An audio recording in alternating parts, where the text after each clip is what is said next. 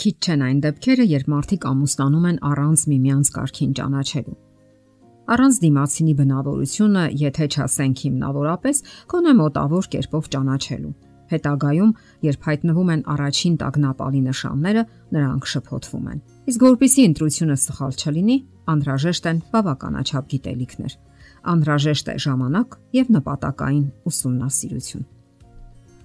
Գոյություն ունեն մարդկային բնավորության տեսակներ, որոնց դեպքում ամուսնությունը կարող է պարզապես աղետի վերածվել եւ արագորեն հայտնվել քայքայման եզրին։ Նման մարդկանց համարում են նյարդային կամ նույնիսկ հիստերիկ։ Նրանք բռնկուն խառնվածք ունեն եւ եսակենտրոն են։ Իսկ վիճակագրությունը ցույց է տալիս, որ այդ մարդիկ մեծ մասամբ տղամարդիկ են։ Ամբողջ հարցն այն է, որ այդպիսիք կարող են լինել չափազանց գրավիչ, շփվող եւ հաճելի զրուցակից, սակայն միայն առաջին հայացքից։ Նրանց հետ մակերեսային շփման դեպքում հնարավոր է խապվել, սակայն երկարատև հարաբերությունները ցույց են տալիս այն, ինչը թաքցվում էր կարճատև հարաբերությունների ժամանակ։ Ասենք որ գոյություն ունեն նշաններ, որոնց օգնությամբ հնարավոր է ճանաչել նման անznավորություններին։ Դրանք այսպես կոչված տագնապալի ազդանշաններ են, որոնց հարկավոր է ուշադրություն դարձնել։ Եվ այսպես, առաջին տագնապալի ազդանշանը՝ նա բարձրից է նայում ձեզ Նյարդային հիստերիկ անznավորությունները ուղակի կամ անուղակի ընդգծում են իրենց գերազանցությունը դիմացինի հանդեպ, ով որպես թե չի հասնում իր մակարդակին եւ սիրում են կրկնել. Դու անկիրթ ես, դու հուզական ես, հիմար ես, բարթույթավորված ես, գեր ես կամ նիհար ես։ Այդպիսի անznավորության կողքին մարդն իրեն չնչին ու աննշան է թվում, կոչումով ցածր եւ անարժան, այնպիսի մեկը, ում միակ առաջադրանքը այդ նշանավոր անznավորությունը իր կուրքին հաճո լինելն է եւ նրա կմահաճույքները կատարելն ու խաղաղեցնելը։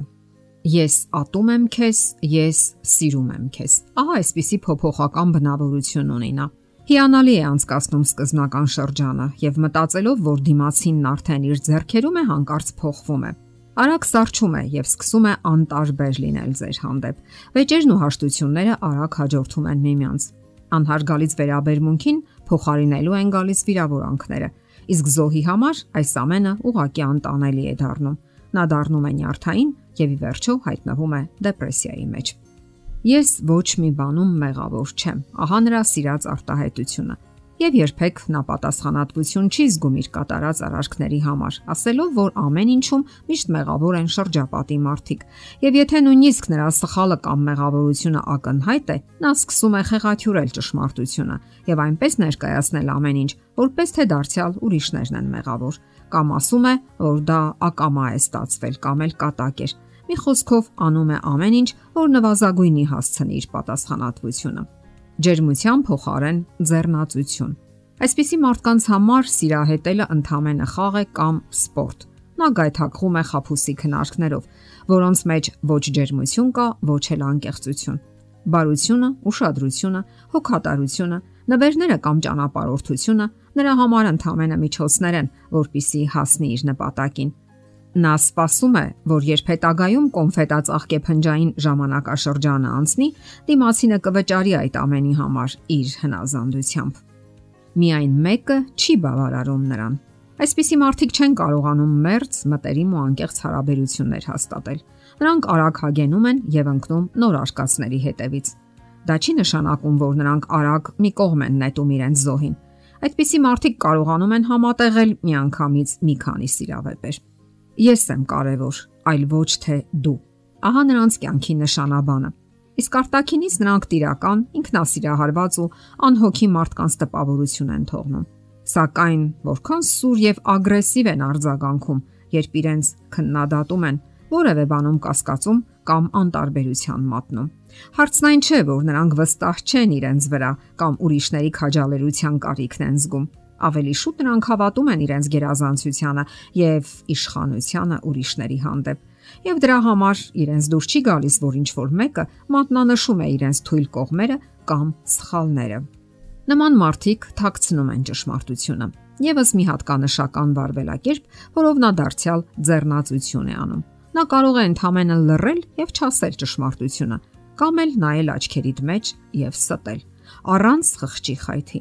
կարող է ստել թե մանր ու աննշան, թե շատ կարևոր հարցերում։ եւ նշանակություն չունի, թե ով է նրա դիմաց՝ երեխան, կինը, թե ընկերը։ Նման մարդիկ չունեն բարոյական սկզբունքներ։